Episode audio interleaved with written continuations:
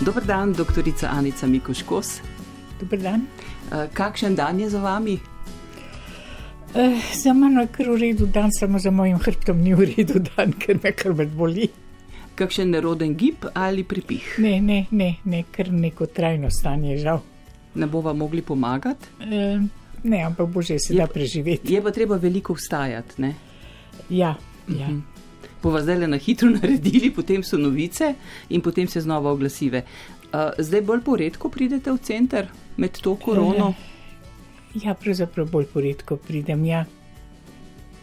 Ste tudi vi bolj kot ne priklopljeni na vse te zoom in druge naprave? Uh, ja, sem kar precej priklopljena, neko knjigo pišem, uh, potem. Uh, predavam po Zoomu, pa ne vem, imam kakšne konference po Zoomu. Ja, ker predvsej presedim pred računalnikom in se zoomiram, ne vem, se tako reče. Odlično se reče. Um, kako pa pogre, pogrešate ta stik, komunikacijo med, med ljudmi, ali vam na trenutke celo ustreza? Ja, veste, kako jaz živim sama, že dolgo časa in sem na nek način navajena biti sama. Uh, in uh, jo mogoče manj pogrešam kot do, kdo drugi, ki je bolj ekstravertiran, potrebuje več stikov in tudi je vajen živeti v neki skupnosti, družinski ali kakršni koli drugi. Tako da mene osebno ni zgolj ta osamljenost posebej prizadela. Um, mi smo zelo počaščeni, ker ste prišli k nam. In jaz sem počaščena, da ste me povabili. E, upam, da se boste dobro počutili. A kakšno za kavo ste se zmenili z Nino? Hvala, kavo sem že popila. A tudi vi znate iz usedline pogledati, kot je vaša mama? E, ne, jaz tega žal ne znam. E, jaz tega žal ne znam. Vem pa, da je moja mama usrečila več ljudi kot jaz z vso svojo psihiatrijo, z gledanjem v kavo ker potem, ko so prišli k njej, pa mi je kaj lepega prirokovala, so odšli polni energije, upanja uh, in je bilo življenje za njih lepše. A se je to dogajalo med vojno ali po njej? Uh, to se je dogajalo vse čas, ker vse čas je, čas je šlogala, ja, torej ja, na nek način. Šlogala, gledala v kavo, se je temu reklo. Uh, in uh, ja takrat je to bilo nekako v navadi, da so gospe to delali, nekateri, ki so bili nadarjene. Vas je pa potem opremila, slišim, z vsem mogočim druge vrste znanjem. Ne? To je bila ta njena židovska. Ja, to je bila židovska mentaliteta, ja, čuješ, ja. mazar, ja, dobesedno. In zlasti po vojni, a veste, to bil pravi čudež, ker takrat ni bilo veliko možnosti. In jaz, ki sem nerodna, nerodna, nerodna, sem morala v baletu hoditi, brez posluha sem, sem se morala klavir učiti, sem se scenografijo naučila, sem hodila na predavanja k svojemu očetu, ki je predaval na ekonomski fakulteti, da sem poslušala jezike. Skratka, vse možno in nemožno sem se učila. Uh, in uh, no, se moram reči, da mi ni bilo posebej to težko na nek način se mi zdelo zabavno, razen baleta, kjer pač je bilo tako očitno, da ne sodim tja. Kdaj pa je mama ugotovila, da raje ne bi nadaljevali? Ko sem se zaprla, mislim tam nekje pri 13-14. To, če ne bi poznala malo vašega ozadja, bi rekla, um, da je bila mama tako, kot so zdaj povprečni starši, ki otroke že tiščijo vse dejavnosti. Ja, ja, ja res, ampak uh, veste, ja, je pa, mislim, res tudi ta judovska mentaliteta, kjer je znanje tako strašno cenjeno. Ne? In se spomnim, mama mi je vedno med vojno govorila, uh, vse ti lahko vzamejo razen znanja, znanja ti ne morejo vzeti. In uh, tako da nekako to je veljalo za najvišjo vrednost in vrednoto. In, Uh, a veste, tako se mi zdi, da, da je zelo zgovorna ta zgodba, kako sem se slovensko naučila. Sem prišla po vojni leta 1945 in se znala niti besede slovensko in me tudi niso hoteli vzeti v prvo gimnazijo tedanjo, kamor bi po letih sodila, so me hoteli dati v prvi razred osnovne šole, ker nisem znala jezika pa tudi zato, ker seveda nisem imela nobenih spričeval, se de, dejansko nisem hodila v osnovno šolo. No, ampak vendarle sem neka znanja imela. Eh, ampak osnovni argument je bil ta, da slovensko ne znam. No, in potem je moja mama eh, ves naš premog, takrat se je premog dobival na, na take bone. A, točke so bile, ne? Točke, ja. Mhm. No, in eh, mama je našla enega fanta, slovenskega, brhkega, in je denarja nismo imeli, in je temu fantu, oziroma njegovi družini, dala naš letni premog, celo zimo smo zmrzovali, zato da me nauči slovensko, in res me nauči slovensko, in sem se potem v septembru upisala v prvi razred gimnazije. A ste se vsaj na toplem učili slovensko, uh, zunaj? ne, na mrzlem sem se naučila. Ja, ampak sem se naučila. Anica Mikuškos je naša sopotnica, z nami ustane. Anica Mikus, kos, pediatrinja, psihiatrinja, filantropinja, zdaj sopotnica na valu 202. Vi ste svoje poklicno življenje posvetili skrbi za duševno zdravje otrok. Eh, od upokojitve naprej pa vodite, to je zdaj že dobrih 25 let, programe psihosocialne pomoči na teh kriznih in vojnih območjih. Pa me zanima, uh, vi ste te programe zasnovali in učitelje opremili z veščinami za nudenje te pomoči. Um, kaj so učitelji vas naučili na teh kriznih zariš, žariščih? Učitelji so me naučili tega, da eh, je v ljudeh ogromno dobrega, energije, dostojanstva, tudi v najhujših okoliščinah, eh, in da človečnost ostane. Seveda moram takoj povedati, da tisti učitelji, ki so prihajali v te programe, so prihajali na osnovi nekega, neke naravne pozitivne selekcije, ker pač prišli so poslušati oziroma eh, pridobivati nova znanja in izkušnje tisti, ki so želeli otrokom pomagati. Tako da ne bi idealizirala, vem, da niso vsi učitelji, da niso vsi ljudje dobri, ampak v takih okoliščinah, kjer zelo prevladuje, je še kako pomembno, da doživiš, ne samo da bereš o tem ali pa razmišljaš o tem, ampak da doživiš dobro v stvarnosti, v dejanjih. In to sem doživela od teh ljudi in moram reči, eh, dosti krat res sem se počutila tako majhno ob njih, ob tem, kaj so storili, kako so živeli, eh, kakšne odnose so vzdrževali, kakšne vrednote so imeli. Eh, in to mi je nekako pomagalo, da sem ustrajala. In še zdaj, ko, mi, ko, ko, tako, ko se potonem, se spomnim na, na te ljudi, s katerimi sem bila. S kom ste bili na zadnje v stiku, ste s kom ohranili stike? O, to... Jaz sem ohranila, z večino ljudi sem ohranila stike. To je kar nekaj tisoč učiteljev. Eh, nekaj tisoč, seveda nisem s tisoči učiteljev, ampak eh, s temi sodelavci, ki so organizirali, to, ker vi ste pri teh projektih lahko imate milijone, če nimate dobrega lokalnega partnerja, ki organizira to humanitarno dejavnost, iz vsega skupaj ne bo nič. No in moram reči, da sem imela krasne sodelavce in na Kaukazu in eh, na Kosovu in v Bosni. Eh, zdaj na zadnjih še delam v Gazi, sicer zdaj po Zumu, eh, v Maroku.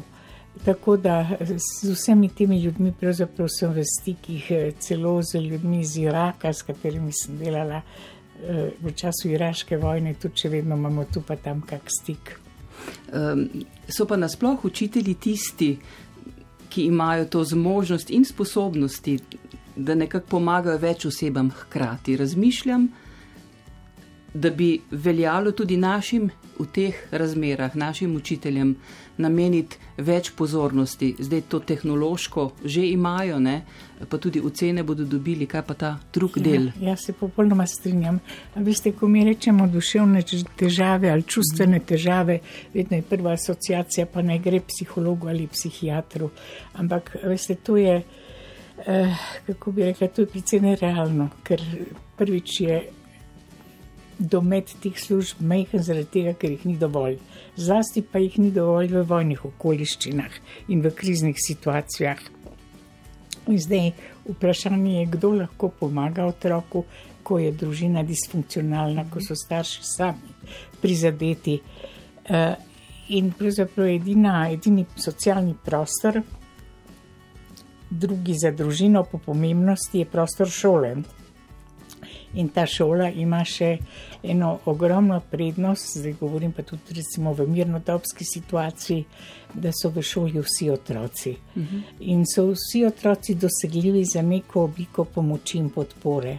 Namreč pri otrocih s težavami bo samo en del staršev peljal otroke, tudi če bi bile na voljo psihologi in psihiatri z visokimi znanji, ampak samo en del staršev bi peljal otroke tja. Eni ne prepoznajo, eni ne zmorejo, eh, eni imajo druge prioritete, kako plačati položnice na koncu meseca. Eh, in eh, je tako, da, da je zelo pomembno imeti nek, neko obliko, nek način ali neko možnost pomagati otrokom. Tudi takrat, ko starši ne zmorejo ali nočejo pripeljati otroka v strokovno službo. In edina taka možnost je v šoli. Torej, za šolo se mi zdi ključna beseda vsi, vsi otroci so v šoli.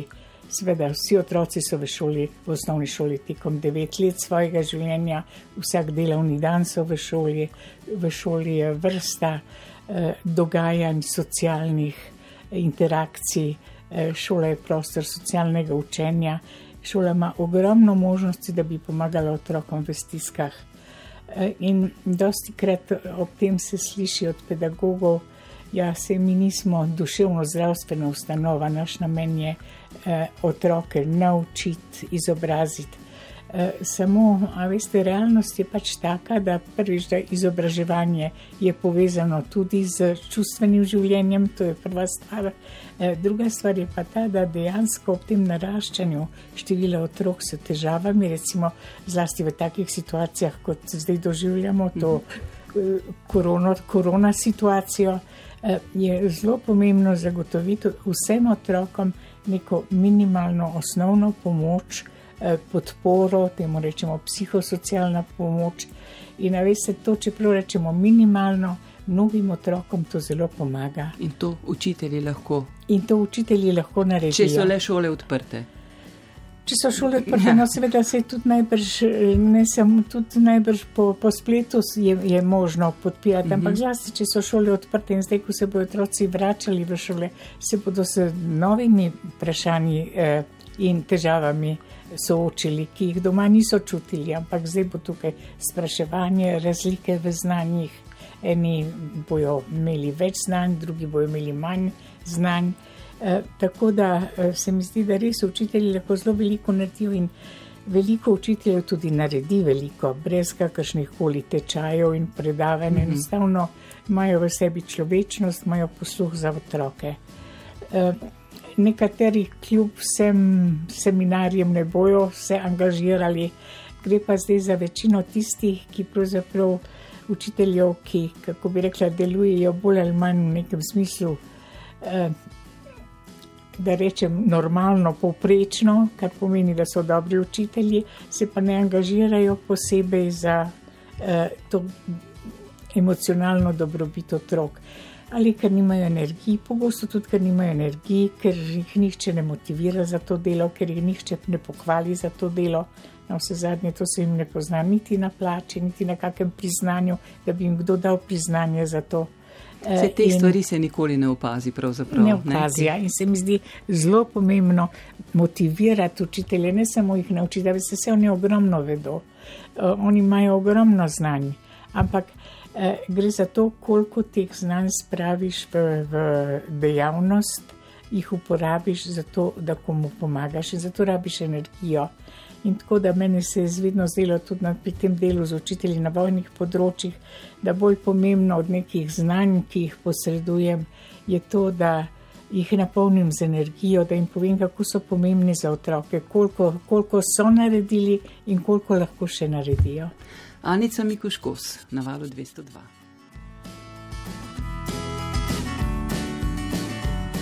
Doktorica Anica Mikuškos, pediatrinja, psihiatrinja, humanitarka, predsednica slovenske filantropije, še vedno, to je zavedno, ne?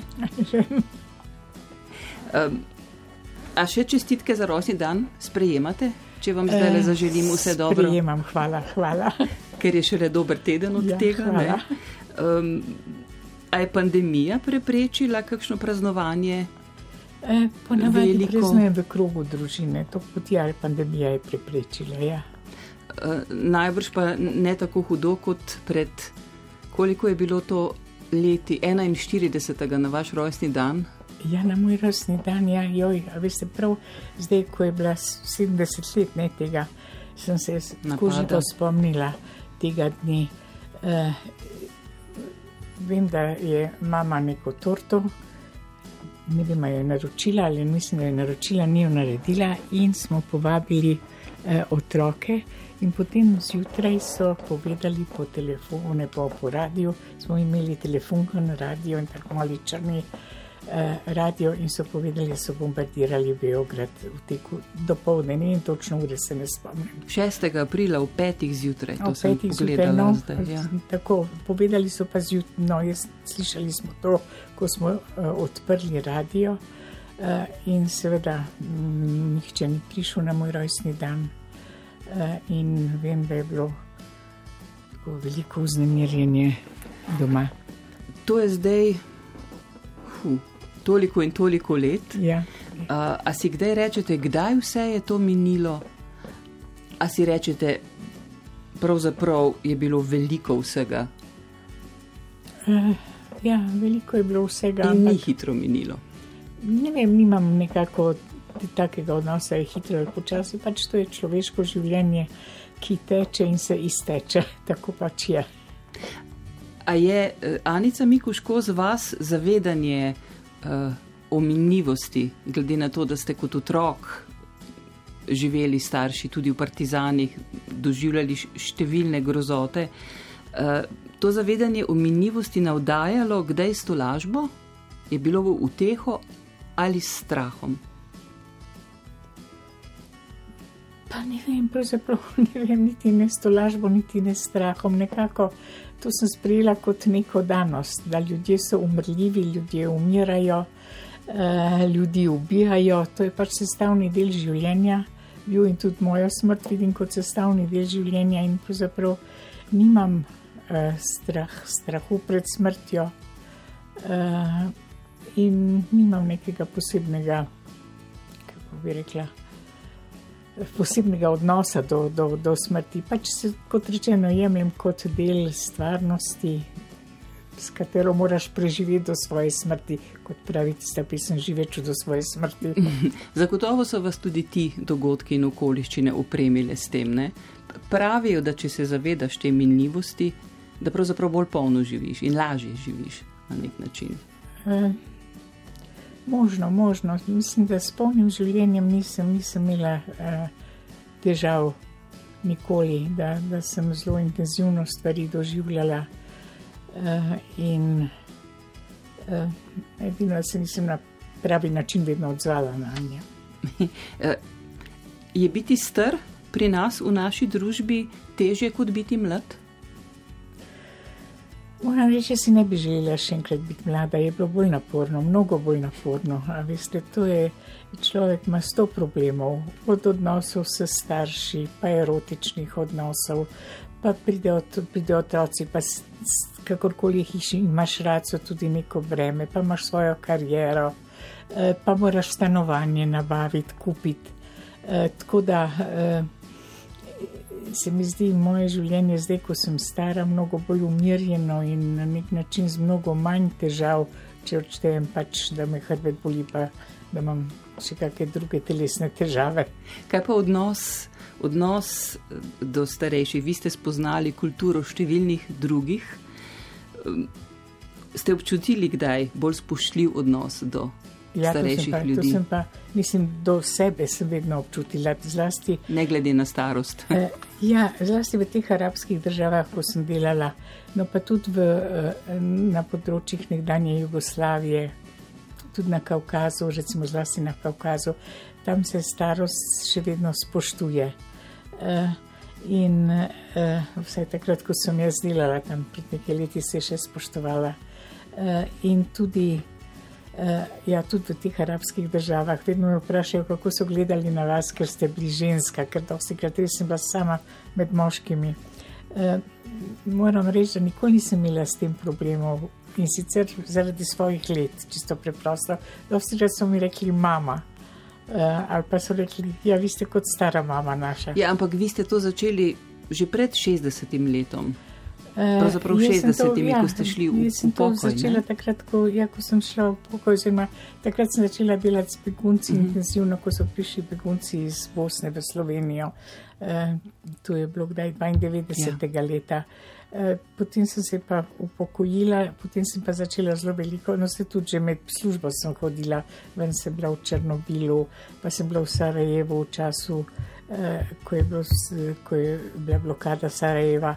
Tako da sem že takrat hodila na ta ozemlja, ampak predvsem sem hodila na vojna ozemlja, potem ko sem se upokojila. Eh, in eh, pravzaprav edino enkrat se mi je zgodilo, da sem zaradi tega, ker sem ženska, mogoče nisem dobila pravočasne pomoči in sicer to je bilo v Kurdistanu.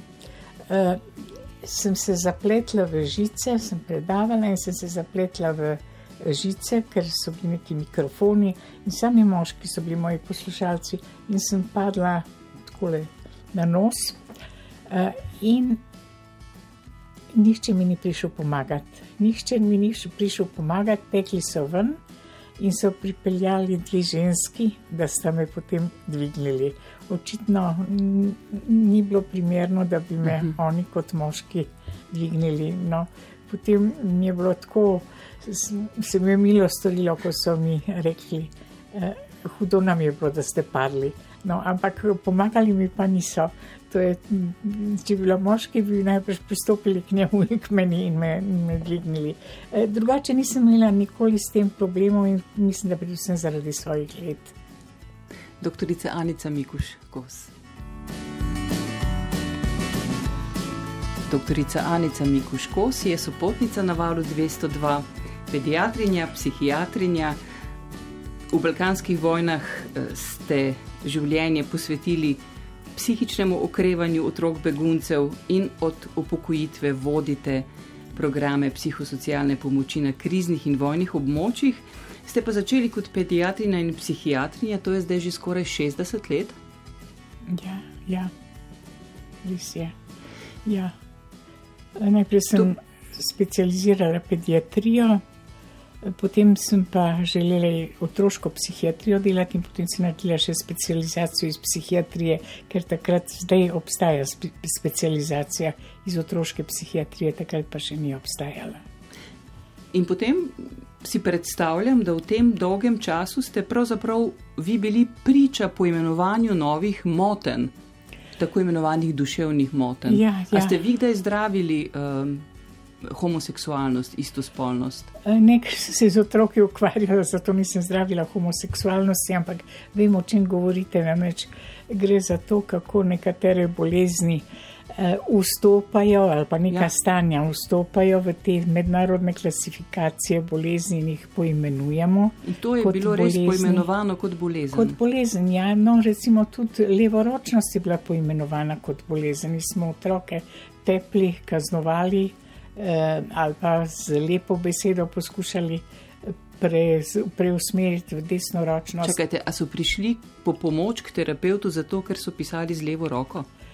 Eh, ne, k meni niso prihajali, ampak nasploh je bilo tako, da nisi smel pisati z levo roko, da so te mhm. preusmerjali vedno v desno in to so na različne načine delali, ali so zvezali otroku roko, ali so ga udarili po roki, ko je z levo roko pisal, ali pa na bolj prijazen način.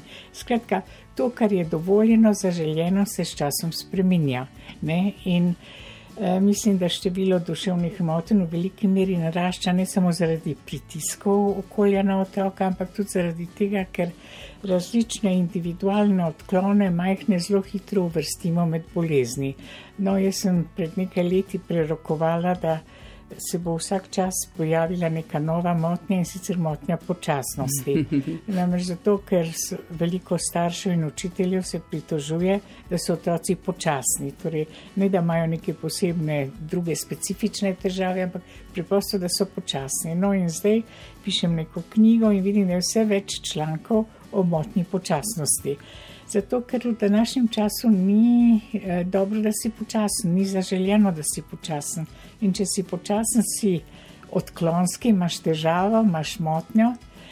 Eh, in seveda, veste, to preimenovanje nekega odklona v motnjo eh, je tudi v korist eh, otroku ali pa odraslemu človeku, ker ko te kvalificirajo, da imaš motnjo, ali, eh, takrat imaš pravico do nekih eh, olajšav, do prilagoditve šolskega dela. Eh, takrat imaš eh, pravico do brezplačne pomoči. Skratka, ta diagnoza ne nosi sabo samo neke negativne učinke, ampak v tej konkretni situaciji, v okoliščinah sedanjega življenja, v zahtevah sodobne šole, prinaša pravzaprav otroku koristi. Aha, hiperaktivni, neprilagojeni. Ja, in izboljšuje pred... kakovost njegovega no, življenja. Aha, aha.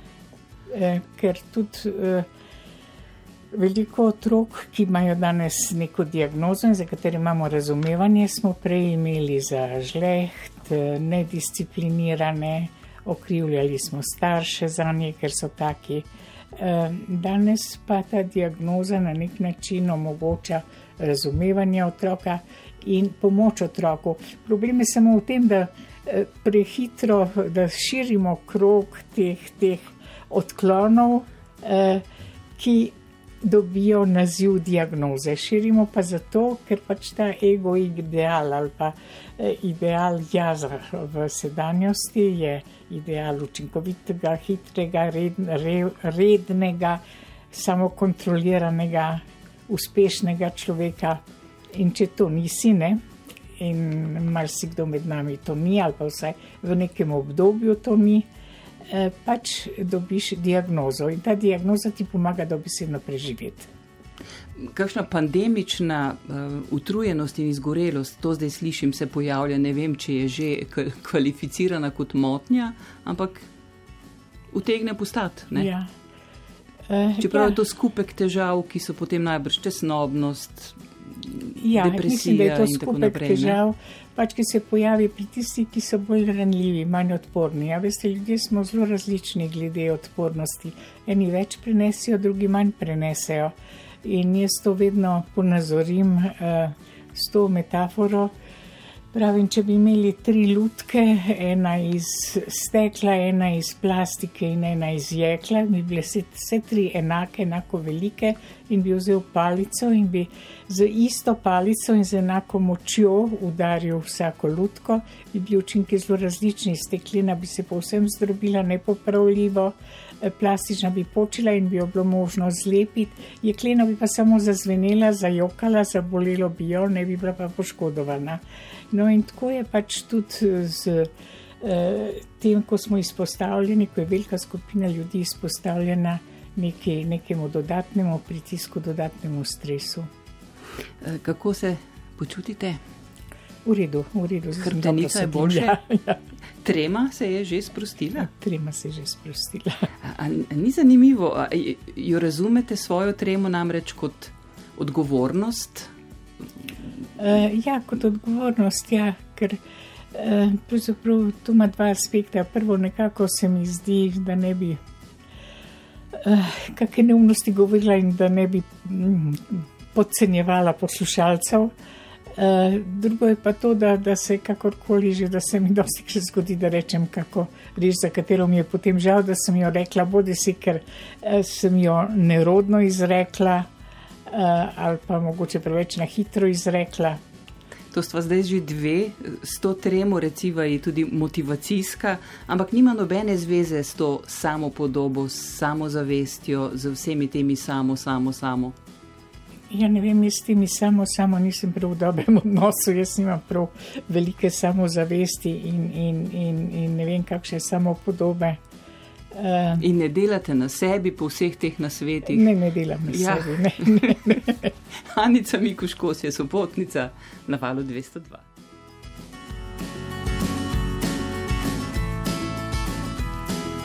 Doktorica Anica Mikuškos je svoje poklicno življenje posvetila skrbi za duševno zdravje otrok, zdaj je sopotnica na valu 202.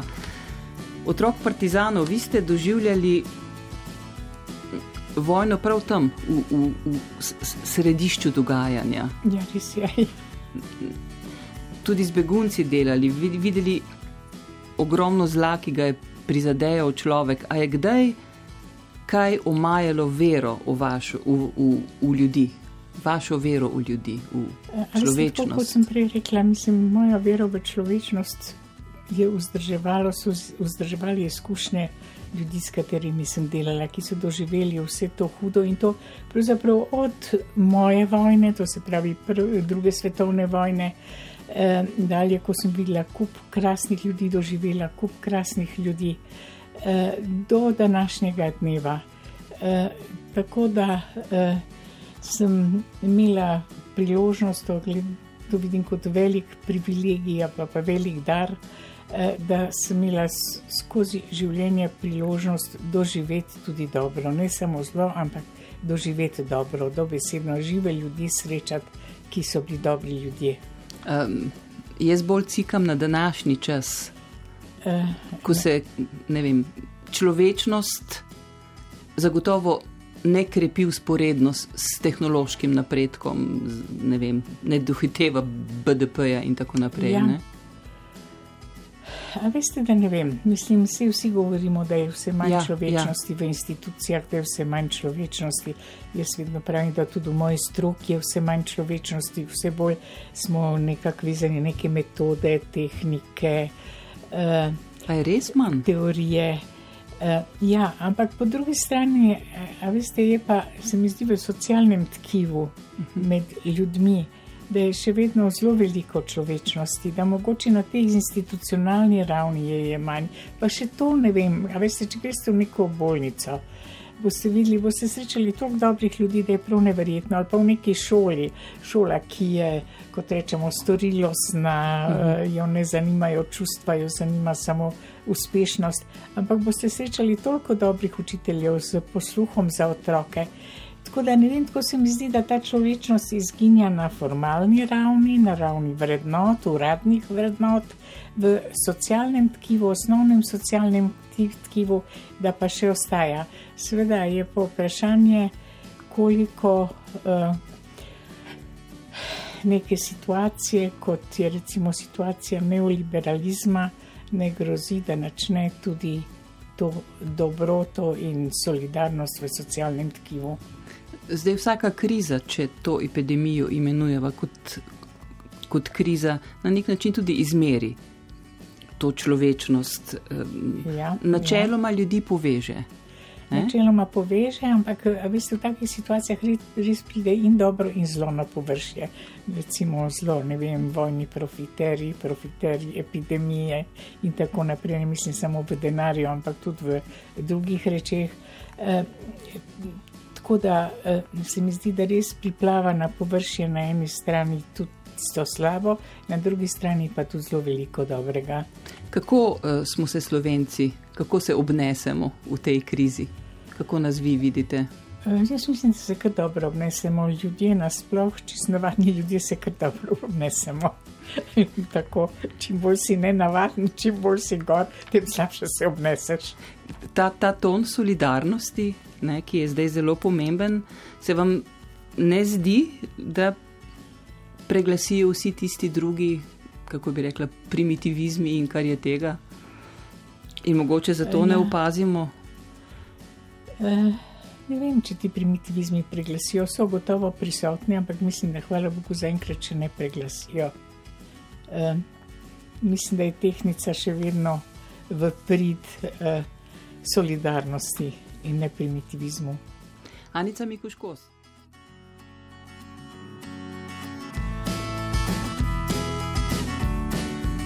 Ste imeli kdaj kakšne resne težave, doktorica Anica Mikuškos, eh, na kakih cestah, na kriznih žariščih, kamor hodite zelo pogosto? Eh, ja, veste, kako vedno me sprašujejo, če me ni strah, če se ne bojim. Pa moram reči, da me je bilo najbolj strah prometnih nesreč.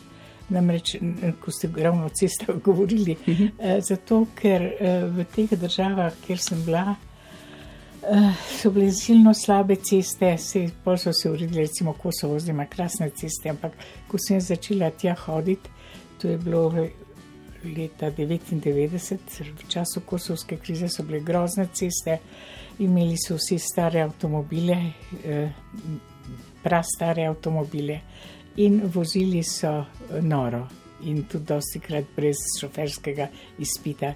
Enako je bilo na Kaukazu.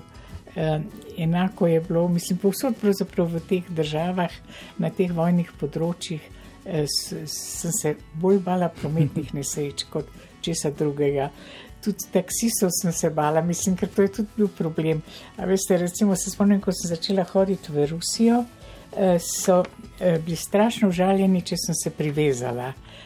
In so mislili, so rekli, vi nam ne zaupate, vi mislite, da jaz slabo vozim, zato se hočete privezati. Uh, in seveda, sploh pa so bili užaljeni, če bi prosila, da bi malo bolj uh, počasi vozili. Imela sem kolegico, ki je z mano hodila, Katja, Katja, Katja je imela eno zelo dobro strategijo in sicer je rekla, veste, kaj je lepo, prosim, dajte malo bolj počasi voziti. Ne zato, ker vi vozite prehitro, ampak jaz sem nervozna in sem tako psihično labilna, tako da je na sebe prevalila problem da je pripričala taksiste, da so malo bolj počasi vozili. Kateri so kraji, katere so države, kamor bi se čisto zasebno želeli vrniti? Na Kaukaz. Na Kaukaz. Kaukaz. Ker na Kosovo še hodim, sem hodila do, mislim, do korone, tudi v druge nekdanje Jugoslovanske republike hodim. Eh, na Kaukaz bi se pa res želela vrniti. Kaj je tam takega? Uh, a veste, sem bila vedno zelo navdušena nad vsemi ruskimi in nad ruskimi poeti, ki so, bili, ki so preživeli veliko časa na Kaukazu. Zlasti Lermotov je bil moj ljubljeni pesnik uh, in nekako sem vse te kraje videla. Uh, in ne vem, kultura, lepota narave, ampak predvsem na nek način kultura, pa tudi ljudje, ki so tako povezani s svojo kulturo. Veste, to meni je to, bilo nekaj neverjetnega. Eh, ko sem prišla na Kaukaz in sem delala z učiteljicami iz najbolj oddaljenih gorskih vasi, eh, te učiteljice so znale ogromno poezije eh, ruske, so jo citirale, ker tako so imeli to ugrajeno nekako v svoj besedni repertoar. In vedno povem isto zgodbo, enkrat smo imeli v Ingušeti, to je ena republika, ki je ob Čečenski, v času čečenskih vojn, smo imeli nek seminar in uh, sem na koncu vprašal v eni taki zelo lepi dvorani z enim kristalnim lestencem, to je bila občinska uh, stavba in sem vprašala, kako so bile zadovoljne uh, z uh, tem uh, seminarjem in so rekli, kot Nataša na prvem plesu. Mislim, tako se mi je zdelo neverjetno, da, da ne vem koliko tisoč kilometrov stran od Moskve nekaj uporabi mm. to stoja, da, mm -hmm. da pove, kako lepo je bilo. Nikoli se ne vračaj v kraje, kjer se ti je zgodilo kaj dobrega, vam je pa oče svetoval. Ja, to je pa res, da je oče svetoval. Zakaj? Ja, ja. Uh, Ja, se tudi res, veste, če človek nekaj zelo intenzivno doživel, Aha. če se potem vrneš, ko so se stvari pomirile, uh, je, je drugače. Se vem tudi na Kosovo, ko hodim, ne v začetku je bilo res in tak naboj je bil uh, in glede žalosti, in glede upanja, in, in glede zaupanja. Potem pa počasi ljudje postanejo razočarani ne, in človek nekako to, to energijo, ta naboj čuti, da, da je manjši. Uh, ampak moram reči, jaz nisem imela slabih izkušenj z vračanjem. Nisem moj oče imel slabe izkušnje z vračanjem.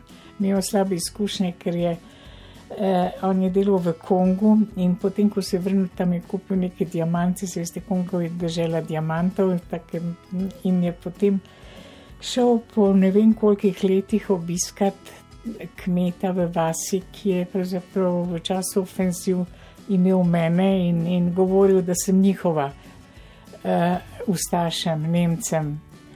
Uh, no, in uh, ko je prišel tja, je tikal tega kmeta in ta kmet je rekel: ja, zdaj so drugi časi, zdaj, zdaj se vikamo. Uh, in tudi na nek način je tako z veliko rezervo gledal na vse to, kar se je dogajalo. Uh, takrat mi je rekel: ne vračaj se v kraje, ker si kaj lepega doživela. Nešteto ljudem, otrokom ste pomagali v stiski, kdo, Anica Mikuškos, vam pomaga? Kdo vam je pomagal? Kdo je meni pomagal? Moje izkušnje so mi, moje izkušnje so mi zelo veliko pomagali, pa tudi obstoj to, da so ljudje, čez preprosto dejstvo, da so ljudje, ki so dobri ljudje, ki jih imam rada. Ne vem, ko so vnuki prišli na svet, mi je to dalo nek nov zagon, neko, nek nov val sreče, uh, uh, me je preplavil, ko srečam kakega človeka, ko se pogovarjam s sinovi, mi to zelo veliko pomeni. Uh, torej, kakšne take direktne pomoči ob stiskah, mislim, da nisem iskala, ampak samo dejstvo, da, da veš, da, da so nekje ljudje, ki, ki, ki so nosilci dobrega, ki imajo tisto, kar ceniš, mi je pomagalo. A nimate občutka, da oseba, ki je videti močna in ki je odfoha, kot eh, ste vi, da so pogosto, kako bi rekla, spregledani, nekako ljudje pravzaprav sploh ne pomislijo, da bi jim ponudili, da bi jim ponudili pomoč. ramo pomoč. Ja. Ja, se mogoče pa tudi ne znamo iskati pomoč. Veste, mislim, za pomoč sta dva potrebna. Eden, ki nudi pomoč, ampak predvsem pa tisti, ki ali nakaže, da potrebuje pomoč in ki sprejme pomoč. To je, tudi, to je velik problem tudi pri drugih ljudeh, ne samo pri strokovnjakih, tudi pri otrocih. Ne so otroci, ki že s svojo pojavnostjo izzovejo pomoč, so tako simpatični, mili, vsak bi jim pomagal. Mm -hmm. So otroci, ki pa niti ne znajo sprijeti pomoči, če tudi jim je ponujena. Tako da mislim, da na to, to lasnost podcenjujemo, koliko je človek zmožen poiskati pomoč in sprijeti pomoč. Počaščena sem, da ste bili naša gostja. Um, vse dobro vam želim. Hvala, jaz tudi vam. Srečno.